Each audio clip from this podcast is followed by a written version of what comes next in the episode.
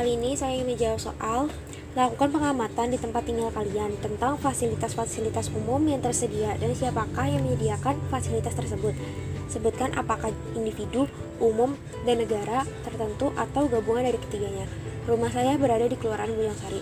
Jalan raya itu yang menyediakan fasilitasnya itu dari pemerintah, bisa dari masyarakat, bisa juga dari pribadi jalan kampung pos kamling masjid itu dari masyarakat. Gedung olahraga itu pribadi. TPU itu dari masyarakat atau pribadi. Balai kampung itu dari wali kota sekolah atau tempat pengaji dari pribadi. Pemadam kebakaran dan tempat pembuangan sampah itu dari pemerintah